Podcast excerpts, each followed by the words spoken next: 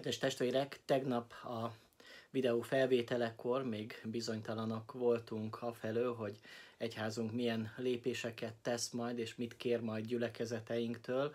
Az adott járványügyi helyzet, illetve a rendkívüli jogrend bevezetése miatt, de mára megkaptuk már az útmutatást, és ezért szeretném a testvérekkel is közölni, azt a rossz hírt, hogy mostantól kezdve határozatlan ideig minden bibliaóra, illetve istentisztelet csak online felületen lesz elérhető, így a személyes találkozást ebben az időszakban nem tudjuk megvalósítani, de bátorítjuk és kérjük a testvéreket arra, hogy vegyenek részt az online istentiszteleteken vasárnaponként, és hogyha még a járványügyi helyzet úgy hozza, hogy úrvacsorai alkalmat is kell majd szerveznünk, akár decemberben, akár januárban, úgy arra is bátorítjuk és kérjük a testvéreket, hogy majd online úrvacsorázzunk közösen.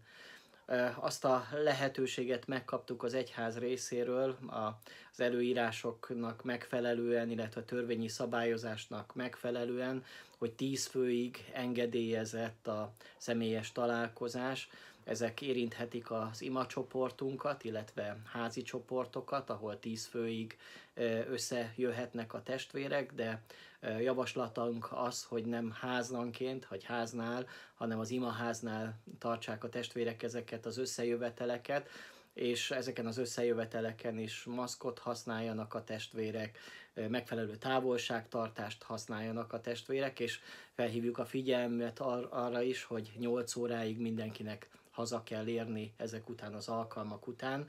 A testvérek megértését kérjük, és kérjük azt is, hogy imádkozzanak, imádkozzunk egymásért, és bátorítom arra is a testvéreket, hogyha lehetőségünk van rá, keressük egymást az online területen, akár interneten, a, a, az e-maileken keresztül, vagy éppen egy messenger csoportba, vagy telefonon hívjuk fel egymást, és bátorítsuk egymást, senki ne maradjon egyedül, hanem figyeljünk egymásra, még akkor is, hogyha most ezt személyesen nem tudjuk megtenni. Szeretnék imádkozni most ezért a járványhelyzetért, és azért a helyzetért, ami most, azért az időszakért, ami most előttünk áll. Atyán, kérlek, hogy óvjál meg bennünket ebben a következő hetekben, vagy akár hónapokban, amíg véget nem ér ez a járvány, és add Uram, hogy miközben személyesen nem találkozunk, de a veled való kapcsolatunk az folyamatos lehessen és legyen, kérlek, hogy vonj magadhoz még közelebb ebben az időszakban. Add Uram, hogy a testvéri kapcsolatok, az egymással való kapcsolatok se halványuljanak el, vagy távolodjanak el, hanem sokkal inkább erősíts meg bennünket, Urunk, a mi közösségünket, az odaszánásunkat, az elköteleződésünket. Add Uram, hogy ebben az időszakban is ki tudjuk fejezni egymás felé a mi szeretetünket, a mi közösségünket, a mi összetartozásunkat, és add Uram, hogy ebben az időszakban is a Te igéd vezessen és szólítson meg bennünket erővel és aktuális módon. Amen. Isten áldja a testvéreket, most pedig kezdődjék a Bibliaóra, illetve hogyha ez a videó a végén található a Bibliaórának, akkor áldjon meg minket az Úr, és jó pihenést kívánok. Szeretettel köszöntöm a testvéreket online bibliaóránkon. A tavaszi járványügyi időszak után újból online térbe szorultunk vissza. Reményeink szerint ezt az időszakot is túl fogjuk élni, és hamarosan újból személyesen találkozhatunk, és bátorítom a testvéreket, hogy ilyen módon is kapcsolódjatok be a Biblia órákba, illetve majd az Isten tiszteletekbe, és imádkozzunk folyamatosan egymásért, a közösségért, ennek a járványhelyzetnek a, a megoldásáért. A kormány rendeletet adott ki, amelyben minden rendezvényt úgymond szabályoznak, és így ebben az időszakban nem lehet összegyülekezni, ezért úgy látjuk jónak, hogy az Isten tiszteleteinket is online térben folytatjuk, bár erről még végső döntést nem kaptunk az egyház vezetők részéről, de valószínű, hogy ez a rendelet, vagy ez a rendelkezés is meg fog érkezni egy-két napon belül, és akkor ezt véglegesen meg fogjuk hirdetni a gyülekezet Facebook oldalán, illetve a gyülekezetnek a honlapján. Kérném a testvéreket, hogy figyeljék majd a héten az információkat, a hirdetéseket, de bárhogy is lesz testvérek, és hogyha most egy-két héten keresztül, vagy akár két hónapon keresztül az online térben találkozhatunk csak, én hiszem, hogy Isten szeret bennünket, hogy megtart bennünket, hogy gondoskodni fog rólunk, és hogy megáld bennünket, és táplál bennünket az ő igéjével. Ezért szükségünk van arra, hogy ebben a különösen nehéz időszakban oda meneküljünk, oda bújjunk az Isten jelenlétébe, és benne találjon nyugalmat, megbékélést a mi szívünk, és hogy tőle kapjunk most is útmutatást, támogatást, bátorítást.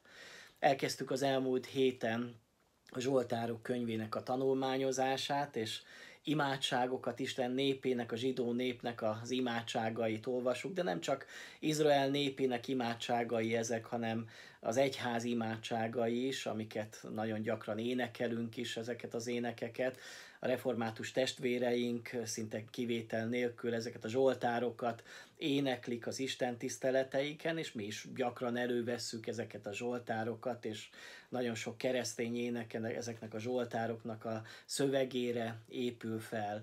És ma a második zsoltárt fogjuk majd megnézni, de mielőtt elolvasnánk ezt az igét, hajtsuk meg a fejünket és imádkozzunk. Istenünk, köszönjük neked, hogy rendelkezésünkre áll olyan technika, hogy bár fizikailag nem vagyunk együtt, de mégis találkozhatunk így az interneten keresztül, és együtt hallgathatjuk az igét, együtt tanulmányozhatjuk az igét, hogy üzenetet nyerhetünk belőle, és megvalljuk, hogy éhesek vagyunk, és szomjasak vagyunk, te rád elsősorban szükségünk van rád. És most, amikor olyan sok bizonytalanság vesz bennünket körül, szeretnénk te benned, te nálad megnyugodni. Kérlek Istenem arra, hogy szólíts meg bennünket, adj üzenetet, adj kijelentést, Uram, vezetést a Te igéden keresztül. És imádkozunk Istenünk a mi gyülekezetünkért, hogy ebben a járványhelyzetben is óv meg bennünket, hogy amikor majd vége lesz az egésznek, újból találkozhassunk, és újból megteljen az imaház, és senki ne legyen olyan, aki ebben a helyzetben most eltávolodna tőled, eltávolodik a közösségtől, hanem a te lelked által, láthatatlan módon kérlek, hogy formáld a mi egységünket, formáld a mi közösségünket, és töltsd meg a szívünket az egymás és a te irántad való szeretettel. Imádkozunk Istenünk orvosokért, az egészségügyben dolgozókért, kérlek, hogy áld meg őket, és köszönjük neked vezetőinket is, kérlek áld meg, hogy jó döntéseket tudjanak hozni mindenkor, és adj engedelmességet is az embereknek a szívében. Amen. Testvérek, tehát olvassuk a második Zsoltárt, amely így hangzik a Bibliában. Miért tombolnak a népek, milyen hiába valóságot terveznek a nemzetek? Összegyűlnek a föld királyai, a fejedelmek együtt tanácskoznak az Úr ellen és felkentje ellen. Dobjuk le magunkról bilincseinket, tépjük le köteleinket. A mennyben lakozó kineveti, az úr kigúnyolja őket, majd így szól hozzájuk haragjában. Izzó haragjában így rémíti meg őket. Én kentem föl királyomat szent hegyemen a Sionon. Kihirdetem az úr végzését, ezt mondta nekem, az én fiam vagy, fiammá fogadlak ma téged. Kért tőlem, és neked adom örökségül a népeket, birtokul a földkerekséget, összetörödőket vasvesszővel szétzúzod, mint a cserépedényt. Ezért ti királyok térjetek észhez, okuljatok, ti bírái a földnek. Félelemmel szolgáljátok az urat, reszkedve vígadjatok.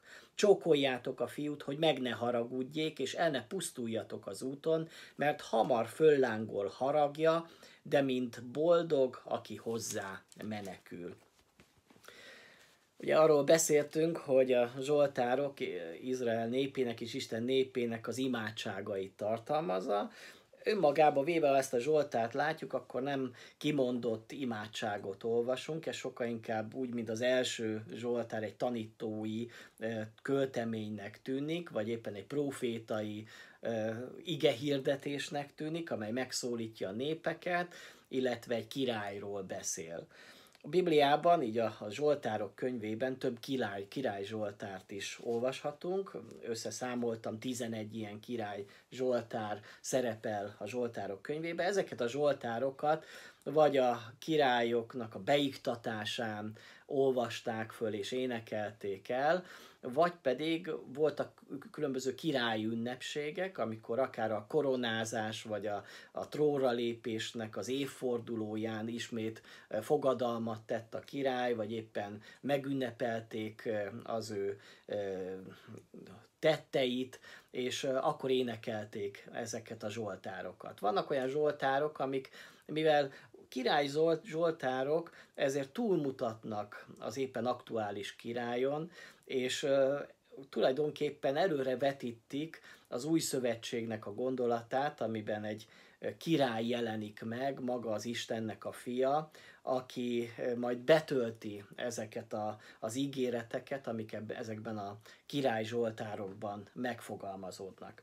Azt is mondják, vagy mondhatjuk, hogy ez a Zsoltár egyfajta kerete a Zsoltárok könyvének. Az első Zsoltár, ugye, amivel múlt héten foglalkoztunk, a boldogságról szólt, arról, hogy két út létezik, az egyik, aki az Isten törvényéhez szabja az életét, és annak az élete kivirul, annak a személyes élete az jó lesz, aztán láttuk a gonoszokat, akiket, mint a pejva szétszóra szér, és nem tudnak megállni az Isten előtt az ítélet napján. Ez a második Zsoltár picit hasonló gondolatot, és újból csak két utat mutat be, az egyik a népeknek az útja, a másik pedig az Isten népének az útja. Itt már nem csak az egyénről beszél, hogy az boldog ember az, hanem boldog nemzet az, tehát hogy egy-egy csoportról, egy közösségről beszél, amelyik az Isten szerint való él, szerint való életet éli, vagy pedig éppen lázad az Istennel szembe. Azért mondtam, hogy keret Zsoltár ez, mert hogy a Zsoltárok könyvének a utolsó előtti Zsoltára, tehát a 149. Zsoltár, hasonló gondolatokkal zárja le ezt a könyvet, újból előkerülnek a népek, és újból előkerül az, hogy a népek dicsérik az Istent. Ott így olvassuk, hogy dicsérjétek az Urat, énekeljetek az Úrnak új éneket, dicséretet a hívek gyülekezetében, örüljön alkotójának Izrael, Sió lakói örvendeznek királyuknak, Dicsérjétek nevét körtáncot járva, énekeljetek neki dob és hárfa kísérettel, mert gyönyörködik népében az Úr, győzelemmel ékesíti fel az elnyomottakat, vígadnak a híveket dicsőségben, újogjanak fek, pihenőhelyükön, szájuk Istent magasztalja, kezükben kétélű kard van, bosszút állnak a népeken, megfenyítik a nemzeteket, láncra verik királyaikat, vasbilincbe, vasbilincsbe előkelőiket, így hajtják végre rajtuk az ítéletet, amely meg van írva, dicső dolog lesz ez az Úr minden hívének, dicsérjétek az Urat.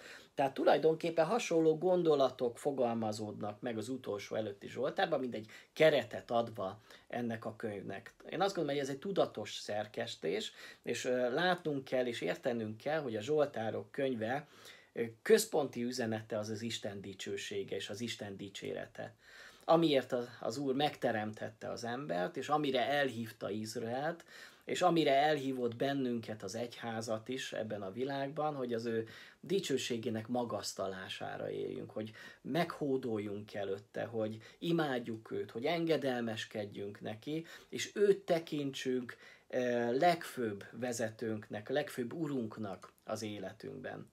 Ugyanakkor pedig az Isten bemutatja azt, hogy létezik egy másik út, a lázadó embernek az útja, a népeknek az útja, akik nem fogadják el az Isten hatalmát és dicsőségét, hanem szembe mennek vele. Saját törvényt szabnak maguknak, saját fejük után mennek, és nem kíváncsiak arra, hogy mit akar az Isten. Önmagukat, vagy éppen bálványaikat dicsérik.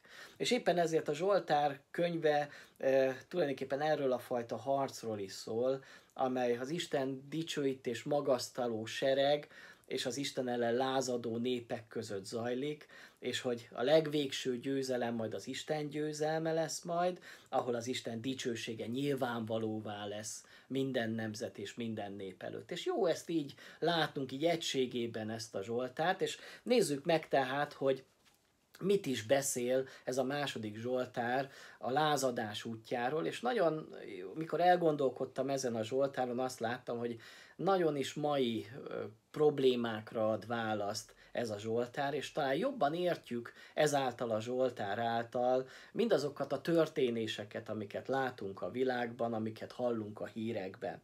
Úgy kezdődik ez a Zsoltár, amely ismerős Héber szó talán mindannyiunk előtt, hogy Lamma. Ugye hol hallottuk ezt a kifejezést Lamma, hogy amikor Jézus Krisztus a kereszten volt, akkor így, így kiáltott föl az atyához, hogy Éli, Éli, lamma sabachthani, én Isten, én Isten, miért hagytál el engemet? Tehát az a lamma azt jelenti, hogy miért.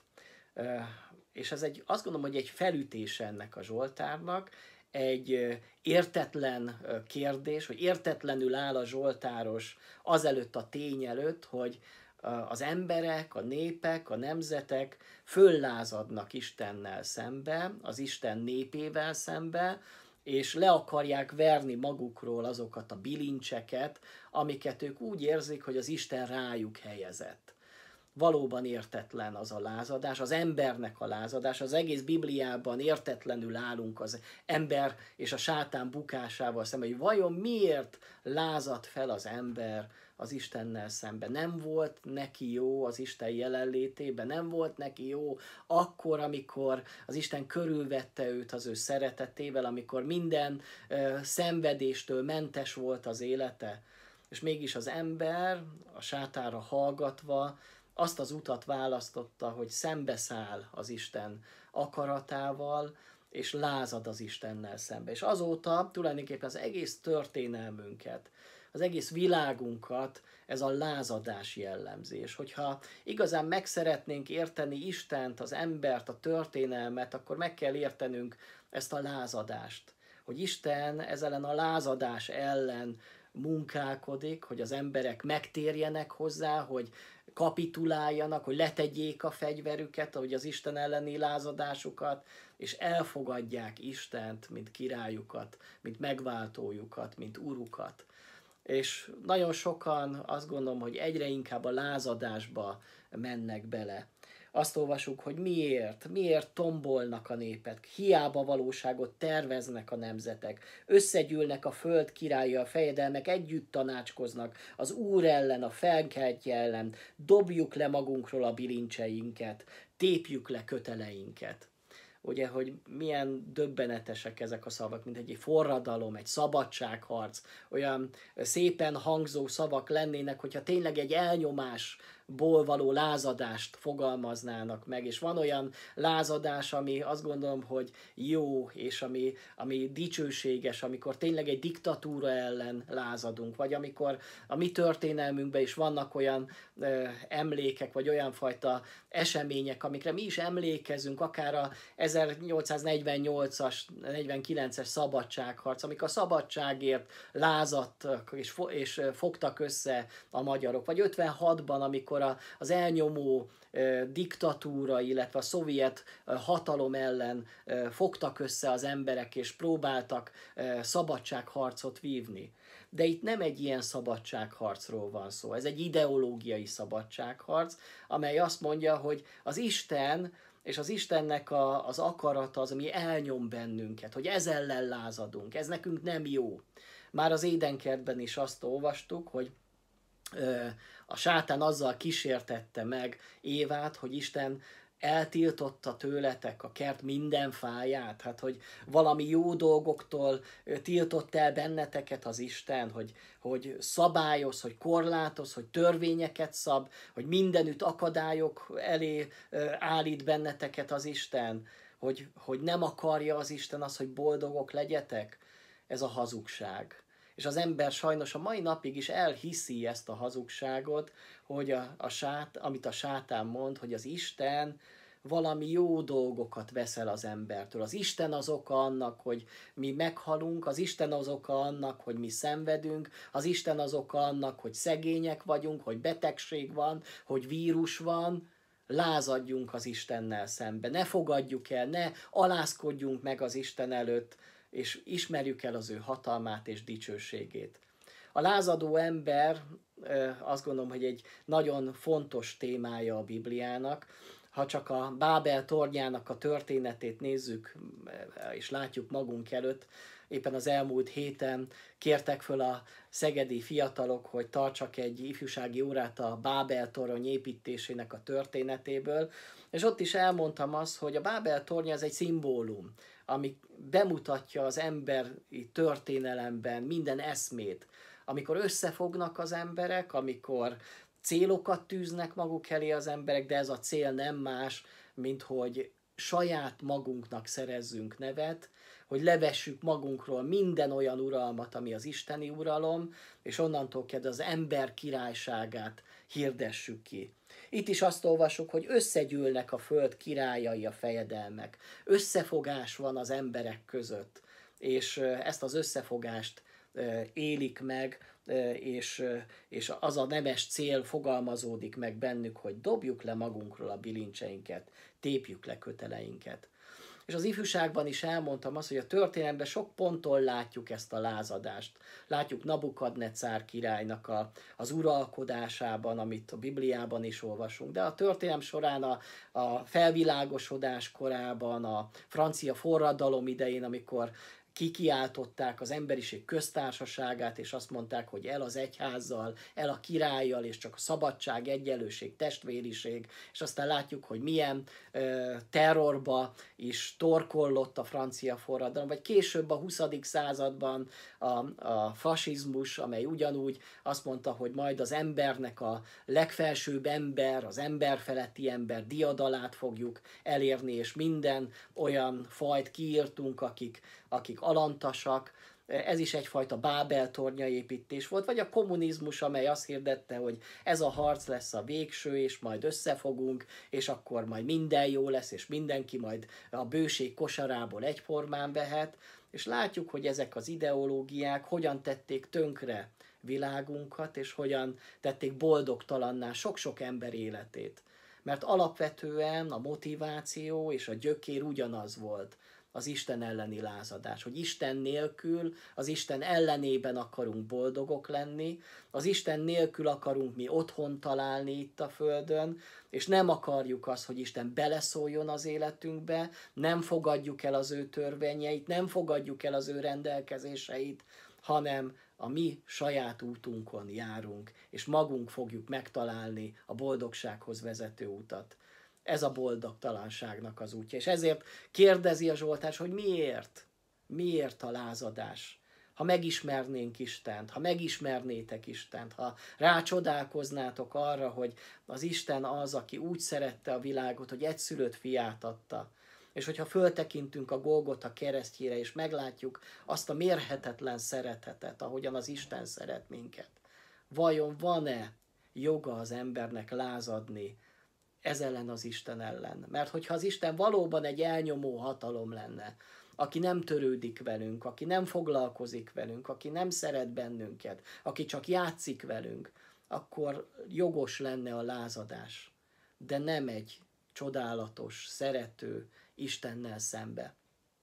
És amikor ezt a történetet olvassuk, akkor előttünk van a végidők nagy lázadása is, hiszen ez azért egy eszkatológiai üzenetet is hordozó Zsoltár, ami a végső idők harcáról is beszél, amikor igazán összetornyosul majd és, és, és kiteljesedik az emberiségnek a lázadása, mikor egyetlen egy uralkodót fog elfogadni az egész világ, és ez pedig maga a fenevad, az antikrisztus. Őt imádják, és azt mondják majd, hogy ki hasonló a fenevadhoz. És őt dicsőítik, őt magasztalják majd a népek, a nemzetek és a bárányt Jézus Krisztus pedig eldobják maguktól. Vajon, hogyha ezt a történetet látjuk magunk előtt, és ezt a fajta lázadásnak ezt a vonalát, nem látjuk ezt minden nap a, a hírekben? Hogy az emberek azt mondják, hogy nem érdekel, hogy az Isten mit tanít bennünket a házasságról, mit tanít nekünk arról, hogy, hogy mi a jó és mi a rossz. Mi megmondjuk azt, hogy mi a jó és mi a rossz. És szembe megyünk minden bibliai értékkel, szembe megyünk minden bibliai igazsággal. Mi ez, ha nem lázadás? A lázadó ember az Isten elleni mérhetetlen haragjában és gyűlöletében találja meg azt a motivációt és az életének a célját. És ez azt gondolom, hogy nagyon szomorú, hogy így épül föl az egész világonk. És vajon mit lát az ember, vagy hogyan látja az ember embert az Isten onnan a mennyből? Azt mondja, a mennyben lakozó kineveti az Úr, kigúnyolja őket. Mind ahogyan a Bábel tornya építésénél is Isten leszáll, hogy megnézze, hogy mit csinálnak az emberek. Persze nem is kell leszállni a mennyből, hiszen látja az Isten a mennyből, látja az Isten onnan az ő lakóhelyéről, hogy mi az embereknek a szándéka.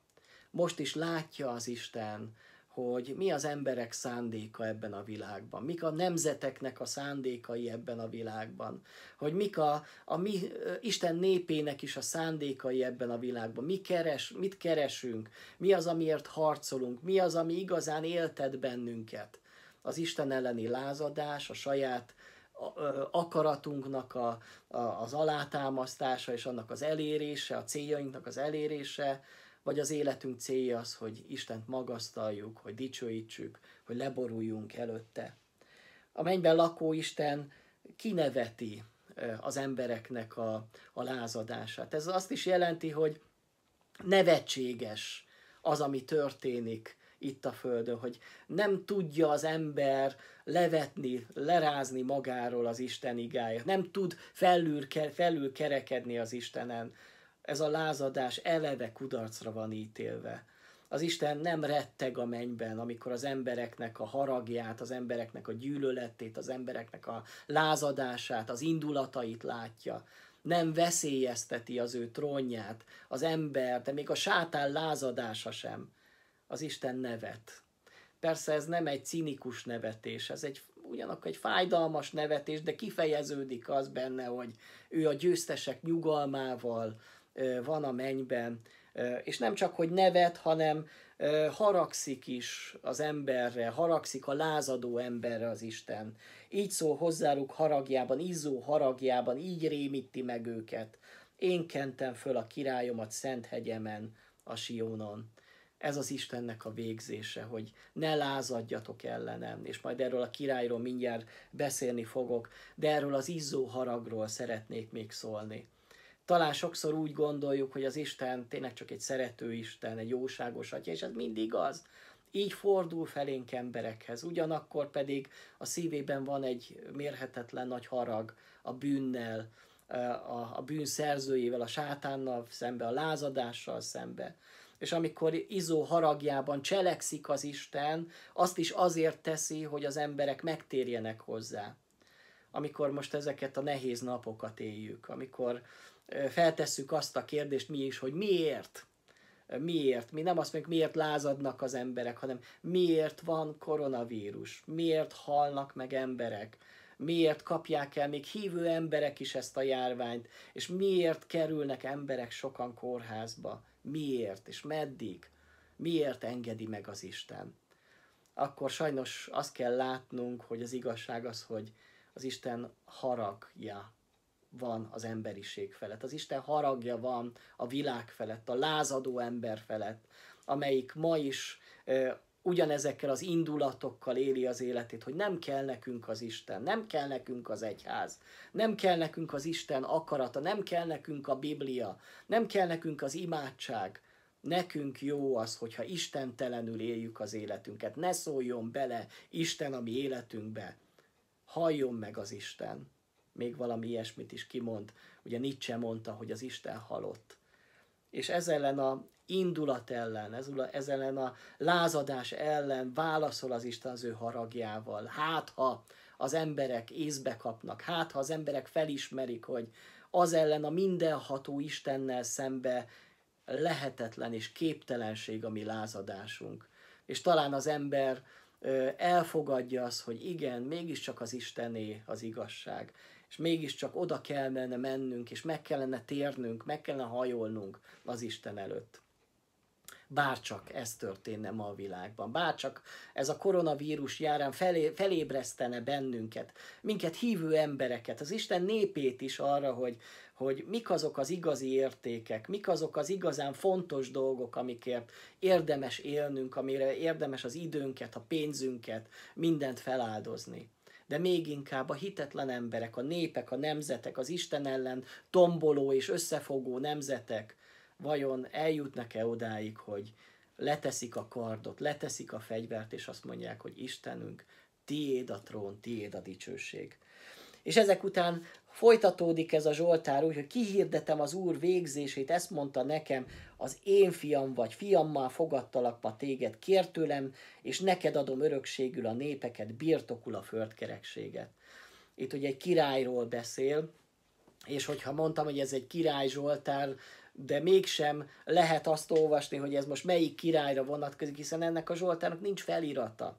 Nincsen odaírva, hogy Dávidé, nincsen odaírva, hogy melyik királyra vonatkozó, mikor hangzott el, milyen ének szöveggel kell énekelni ezt az éneket. Úgy szoktuk mondani ezeket a zsoltárokat, hogy árva zsoltár, nincs felirata a zsoltárnak. Azért, mert elsősorban nem Izrael királyáról szól. Nem arról a királyról, mondjuk Dávidról, vagy Ezékiásról, vagy Jósiásról, vagy Josafát királyról, akiket persze ugyanúgy Isten használt az ő népének az élén, de az a király, akit az Úr a végzése alapján fiává fogad, az ő fia, az egyetlen fia, az maga Jézus Krisztus. Ez a Zsoltár egy messiás Zsoltár, amelyik Jézus Krisztusra mutat. Azt mondja, hogy fiam, fiammá fogadtalak téged, és fölkentem én király, föl, én kentem föl királyomat szent hegyemen a Sionon az, hogy fölkentem a királyomat, ez a fölkenetés, ebből a kifejezésből származik a messiás.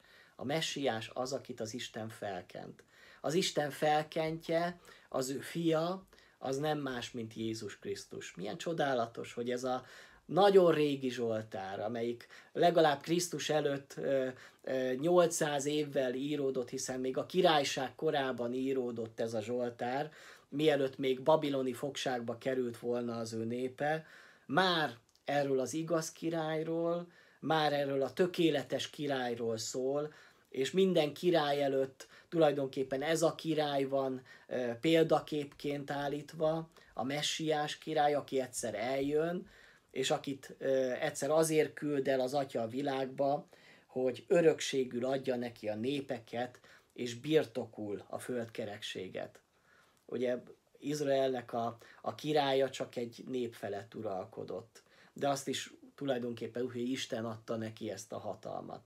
Amikor az ószövetségi időkben jártunk, akkor az Isten népe úgy gondolkodott, hogy Isten népe csak mi vagyunk, Izrael népe van. Viszont itt arról beszél, hogy ez a király majd örökségül kapja nem csak Izraelt, hanem a népeket, az egész földkerekséget és ez arra utal, hogy Jézus Krisztusban Istennek nem csak Izrael a népe, hanem a világ minden nemzete. És az egyház minden népből, minden nyelvből, minden népcsoportból származik, és Isten elhív mindenféle embert. Így lehetünk mi is az ő népévé.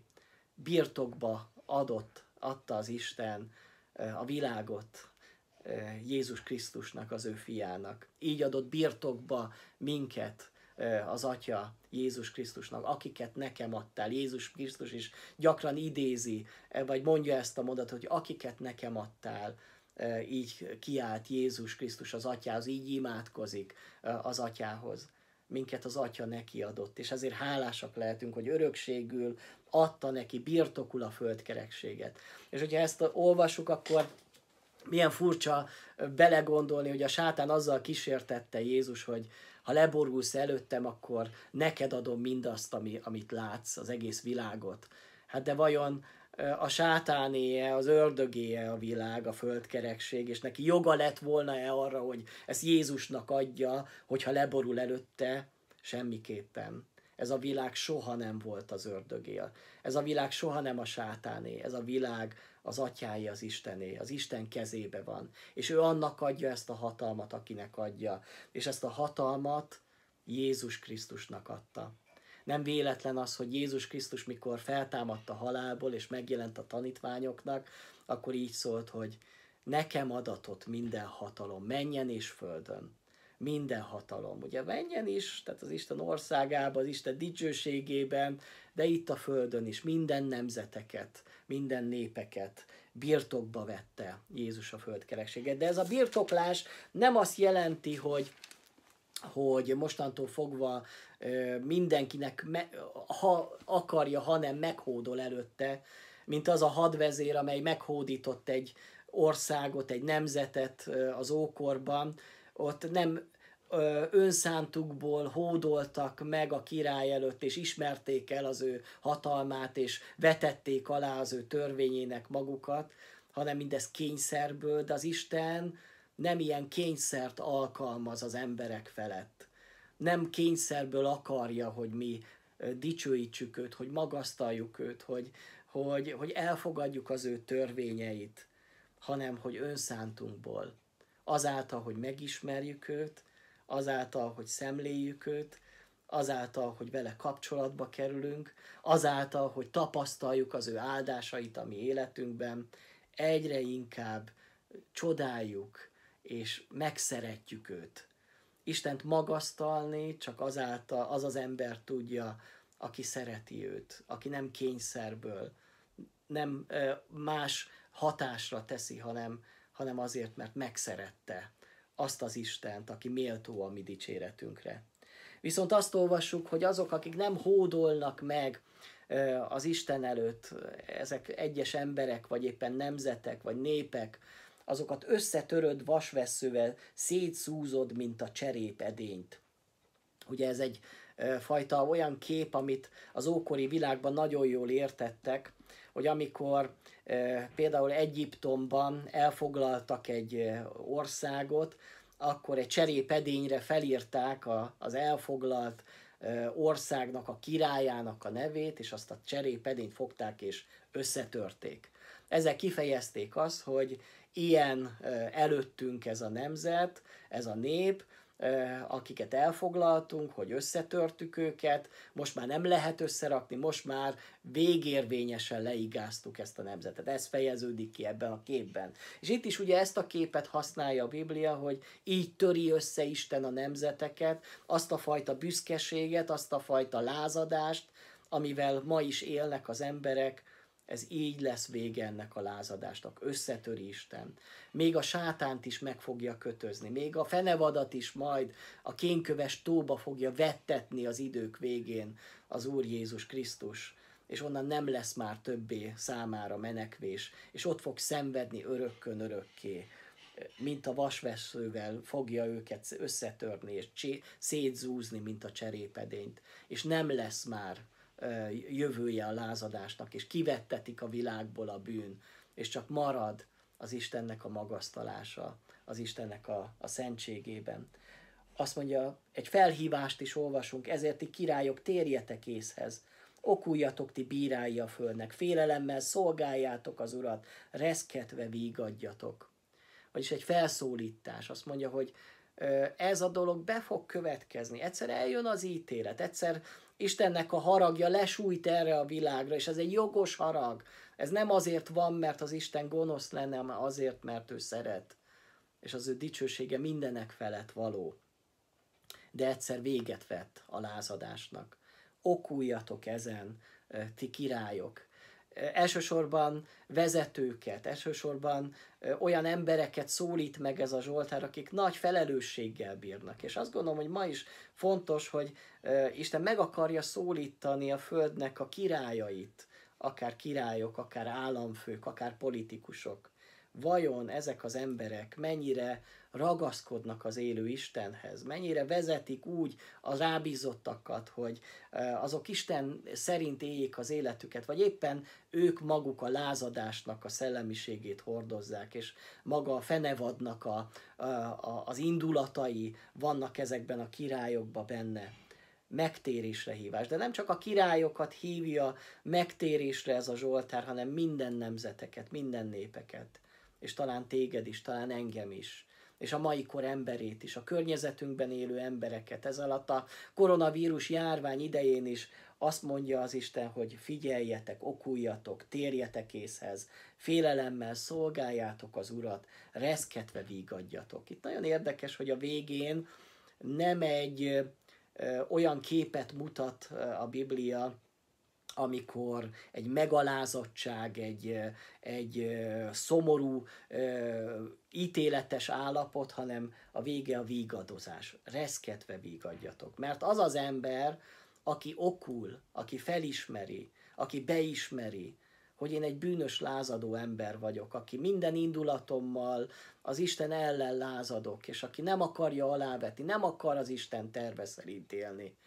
De amikor beismerem, felismerem, és aztán Istenhez kiáltok, és leteszem a fegyvert, és azt mondom, Isten, itt vagyok. Én nem akarok ellened tovább harcolni. Emlékszem arra a napra, amikor én megtértem. És bennem is nagyon sok indulat volt, különösen amikor édesapám meghalt, akkor bennem is ez a lámmá. Miért? Miért engedted meg Isten? Miért vetted el tőlem azt, akit nagyon szerettem? Miért? Miért vagyok én ilyen ember, mint aki vagyok? Miért nem vagyok sokkal gazdagabb? Miért ilyen törékeny az ember? És aztán, amikor lázadtam ellen, és mindenféle utakon kerestem, kerestem a boldogságomat, és csak egyre jobban ment tönkre az életem, de amikor az Isten igéje megszólított, és amikor olvastam Jézus Krisztus halálát, az ő keresztjéről, és akkor ott álltam, és összetört az a lázadás a szívembe. És azt kellett mondanom akkor Istennek, hogy Isten, én többet nem akarok ellened lázadni. Én nem akarok többé nélküled élni. Én beismerem azt, hogy tévedtem. Te egy jó Isten vagy, és bár sok mindent nem értek, sok mindenre nem kapok választ, de tudom, hogy te jó vagy. És tudom, hogy szeretsz engem. Bárcsak minden ember eljutnának, királyok, a földnek a bírái, vagy éppen minden egyszerű ember, hogy félelemmel, reszketve szolgálnák az Urat, és aztán vígadna, vígadnának. Mert reszketve vígadni az azt jelenti, hogy amikor már az ember megismeri az Istent, amikor hazatér a tékozló fiú, ott lakoma várja, ott egy öröm várja az atyai házban, és ott van vígadozás. Ott nem számonkérés van, ott nem büntetés van, hogy lázadtál, most ennek meg lesz a büntetése, most akkor e, e, ezt le kell vezekelned, mert az Isten az Atya azt mondja, hogy tudom, hogy mindezt tetted, de én megbocsátok, elengedem az adóságot. És mostantól fogva ismét a gyermekem vagy. És mostantól fogva ismét szeretlek, és ismét vesz, vedd föl azt a gyűrűt az ujjadra, és adok egy új ruhát neked. Vígadozzatok, vígadjatok. És aztán van egy nagyon fontos, egy nagyon szép e, ilyen mondat ebben a Zsoltárban, hogy csókoljátok a fiút hogy meg ne haragudjék, és el ne pusztuljatok az úton, mert hamar föllángol haragja, de mind boldog, aki hozzá menekül. Annyira fontos igazság ez, megint csak a két útról, a kétféle emberről. Az Isten népe, az Isten szerető nép azt mondja, csókoljátok a fiút. Itt egy, nem egy ilyen visszafogott dicséretet, nem egy visszafogott imádatot mond itt a Biblia, hanem hogy csókoljátok. Itt nem egy ilyen szexuális tartalmú csókra kell gondolni. Ez a csók sokkal inkább nem is az arcnak a megcsókolása, hanem, hanem Jézus lábainak a csókolgatása. Emlékeznek a testvérek, mikor Jézus a farizeus házában volt, és bejött egy, egy parázna asszony, aki elkezdte mosogatni Jézus lábát illatos kenettel, és a hajával törölgette, akkor Jézus azt mondta, hogy ez az asszony, ez sokkal jobban szeret engem, mint te, aki befogadtál a házadba, mert ő csókolgatja ő, ő az én lábamat.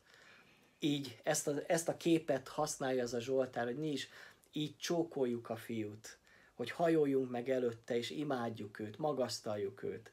Bárcsak ez az imádatnak a lelkülete, töltené be a mi szívünket, most ezekben a nehéz napokban is, amikor gyakran a félelem, az aggodalmaskodás, vagy éppen az, azon gondolkodunk, mi lesz, ha megbetegszünk, vagy ha a családunk megbetegszik, vagy ha szeretteink megbetegszenek.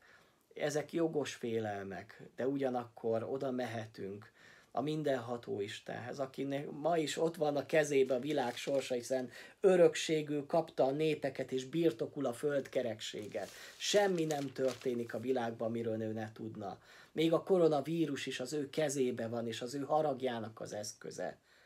De én csókolom a fiút, hogy meg ne haragudjon, hogy tovább ne haragudjon az Isten, most van az idő arra, kedves barátaim, testvérek, az egész világban, hogy az emberek megtérjenek.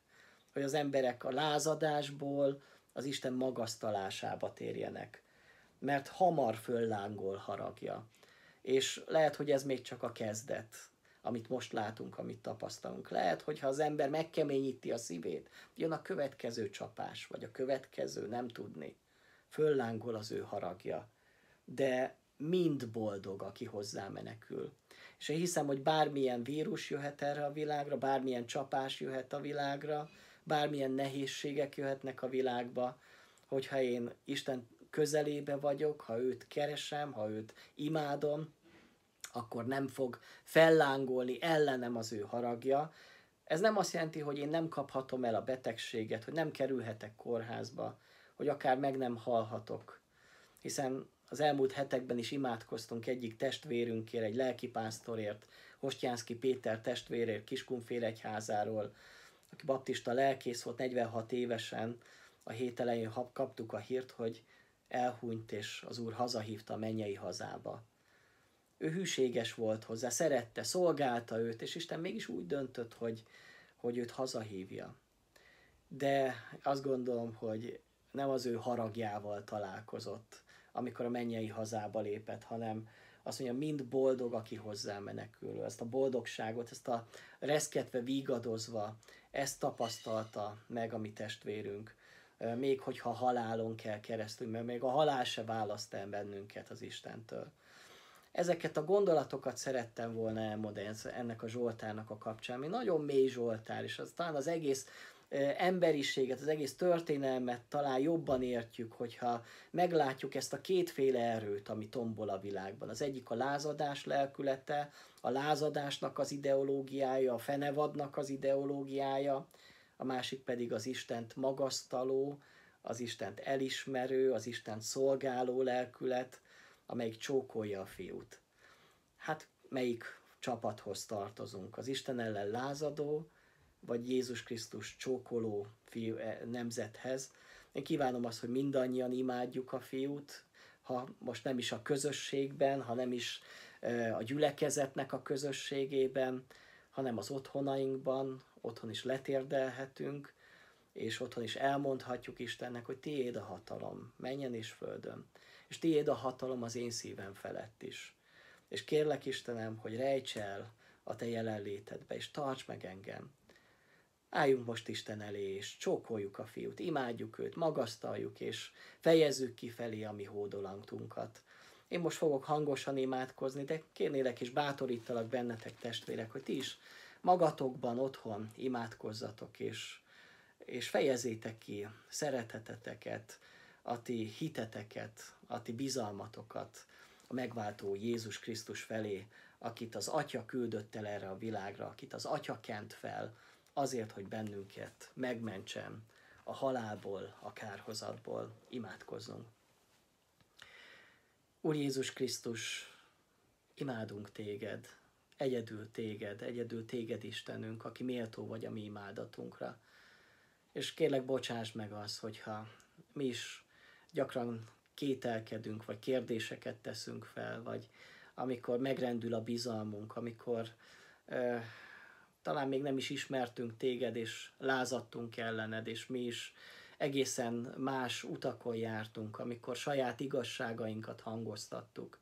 És Uram, kérlek, hogy legyen, legyél még türelmes, Uram, és közben járunk Istenünk most ezért a világért, az ellened lázadó világért, és tudom, hogy te neked sokkal nagyobb a türelmed, mint a miénk, de most látjuk Istenünk, hogy hogy kezd elfogyni a türelmed, és föllángol a te haragod, ami jó, és igen, és jogos a te haragod. Mégis mi azért kérünk Istenünk, hogy adj, legyél még hozzánk türelmes, és, és adj egy kis időt, Uram, hogy az emberek megtérhessenek, hogy észbe kapjanak, hogy, hogy letegyék a fegyvert, és, és, és megtérjenek Te hozzád. De elsősorban, Uram, most magunkért, a Te népedért, a Tieidért könyörgünk, hogy minket is ébresz fel, állíts helyre, hogy mi is tudjunk megvallani Téged az emberek előtt, hogy hitelesen tudjunk rólad bizonságot tenni. Mert olyan sokszor használta az ördög arra a, a te gyermekeidet, hogy a hiteltelen életünk és szavaink miatt emberek még inkább veled kerüljenek összetűzésbe, és, és lázadjanak tovább ellened. Uram, add, hogy ez megszűnjön, ez a, ez a botrány, és a te néped hitelesként valóban úgy álljon az emberek előtt, mint akikben ott van a szeretet, ott van a megértés, és ott van a, a te lelkületed. Uram, tölts be bennünket a te lelkeddel. És imádkozunk azért, hogy ebben a nehéz élethelyzetben, amiben vagyunk most, talán a félelmek és a kétségek és az aggodalmaknak az időszakába vedd el ezeket az érzéseket a mi szívünkből, és helyette töltsd meg a mi lelkünket a te magasztalásoddal, a te imádatoddal, hogy ez töltse ki a mi napjainkat, és ebben találjuk meg a mi békességünket és örömünket. Kérünk Istenünk azért, hogy ha most online térbe is kell majd mennünk így a, a, a gyülekezettel, ez is legyen alkalom arra, hogy, hogy, hogy a Te igéd mellett mindig elcsendesedve üzenetet kapjunk, és hogy e, a közösség az ne törjön meg egymással is Te veled, hanem amikor vége lesz ennek az egésznek, akkor újból örvendezhessünk egymásnak, és megteljen majd az imaház. És egy se legyen, Uram, aki elveszik ebből a gyülekezetből. Ezért könyörgünk Istenünk. Kélek, tarts meg bennünket. Amen.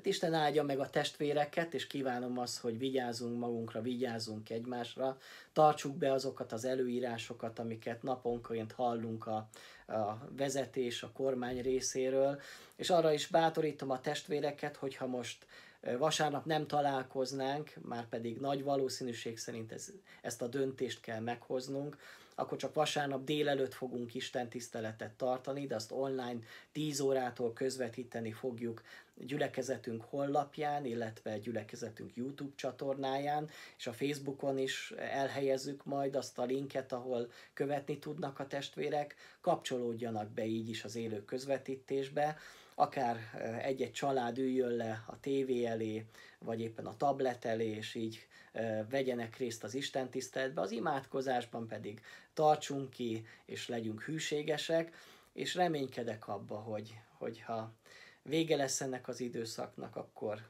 együtt, közösen csókolhatjuk azt a fiút, imádhatjuk azt a fiút, aki méltó a mi imádatunkra. És arra bátorítom a testvéreket, hogy azért is imádkozunk, hogy még egy másfél hónap van a karácsonyig, hogy, hogy azt már talán együtt ünnepelhessük meg. Pici az esély, de én remélem és abban reménykedem, hogy karácsonykor újból együtt lehetünk. Isten áldjon bennünket, tartson meg bennünket. Az Úr közel. Kedves testvérek, tegnap a videó felvételekor még bizonytalanok voltunk afelől, hogy egyházunk milyen lépéseket tesz majd, és mit kér majd gyülekezeteinktől az adott járványügyi helyzet, illetve a rendkívüli jogrend bevezetése miatt, de mára megkaptuk már az útmutatást, és ezért szeretném a testvérekkel is közölni azt a rossz hírt, hogy mostantól kezdve határozatlan ideig minden bibliaóra, illetve istentisztelet csak online felületen lesz elérhető, így a személyes találkozást ebben az időszakban nem tudjuk megvalósítani, de bátorítjuk és kérjük a testvéreket arra, hogy vegyenek részt az online istentiszteleteken vasárnaponként, és hogyha még a járványügyi helyzet úgy hozza, hogy úrvacsorai alkalmat is kell majd szerveznünk, akár decemberben, akár januárban, úgy arra is bátorítjuk és kérjük a testvéreket, hogy majd online úrvacsorázzunk közösen. Azt a lehetőséget megkaptuk az egyház részéről az előírásoknak megfelelően, illetve a törvényi szabályozásnak megfelelően, hogy tíz főig engedélyezett a személyes találkozás. Ezek érinthetik az ima csoportunkat, illetve házi csoportokat, ahol tíz főig összejöhetnek a testvérek, de javaslatunk az, hogy nem házanként, vagy háznál, hanem az imaháznál tartsák a testvérek ezeket az összejöveteleket, és ezeken az összejöveteleken is maszkot használjanak a testvérek, megfelelő távolságtartást használjanak a testvérek, és felhívjuk a figyelmet ar- arra is, hogy 8 óráig mindenkinek haza kell érni ezek után az alkalmak után. A testvérek megértését kérjük, és kérjük azt is, hogy imádkozzanak, imádkozzunk egymásért, és bátorítom arra is a testvéreket, hogyha lehetőségünk van rá, keressük egymást az online területen, akár interneten, a, a, az e-maileken keresztül, vagy éppen egy messenger csoportba, vagy telefonon hívjuk fel egymást, és bátorítsuk egymást, senki ne maradjon egyedül, hanem figyeljünk egymásra, még akkor is, hogyha most ezt személyesen nem tudjuk megtenni. Szeretnék imádkozni most ezért a járványhelyzetért, és azért a helyzetért, ami most, azért az időszakért, ami most előttünk áll. Atyán, kérlek, hogy óvjál meg bennünket ebben a következő hetekben, vagy akár hónapokban, amíg véget nem ér ez a járvány, és add Uram, hogy miközben személyesen nem találkozunk, de a veled való kapcsolatunk az folyamatos lehessen és legyen, kérlek, hogy vonj magadhoz még közelebb ebben az időszakban. Add Uram, hogy a testvéri kapcsolatok, az egymással való kapcsolatok se halványuljanak el, vagy távolodjanak el, hanem sokkal inkább erősíts meg bennünket, Urunk, a mi közösségünket, az odaszánásunkat, az elköteleződésünket. Add Uram, hogy ebben az időszakban is ki tudjuk fejezni egymás felé a mi szeretetünket, a mi közösségünket, a mi összetartozásunkat, és add Uram, hogy ebben az időszakban is a Te igéd vezessen és szólítson meg bennünket erővel és aktuális módon. Amen. Isten áldja a testvéreket, most pedig kezdődjék a Bibliaóra, illetve hogyha ez a videó a végén található a Bibliaórának, akkor áldjon meg minket az Úr, és jó pihenést kívánok!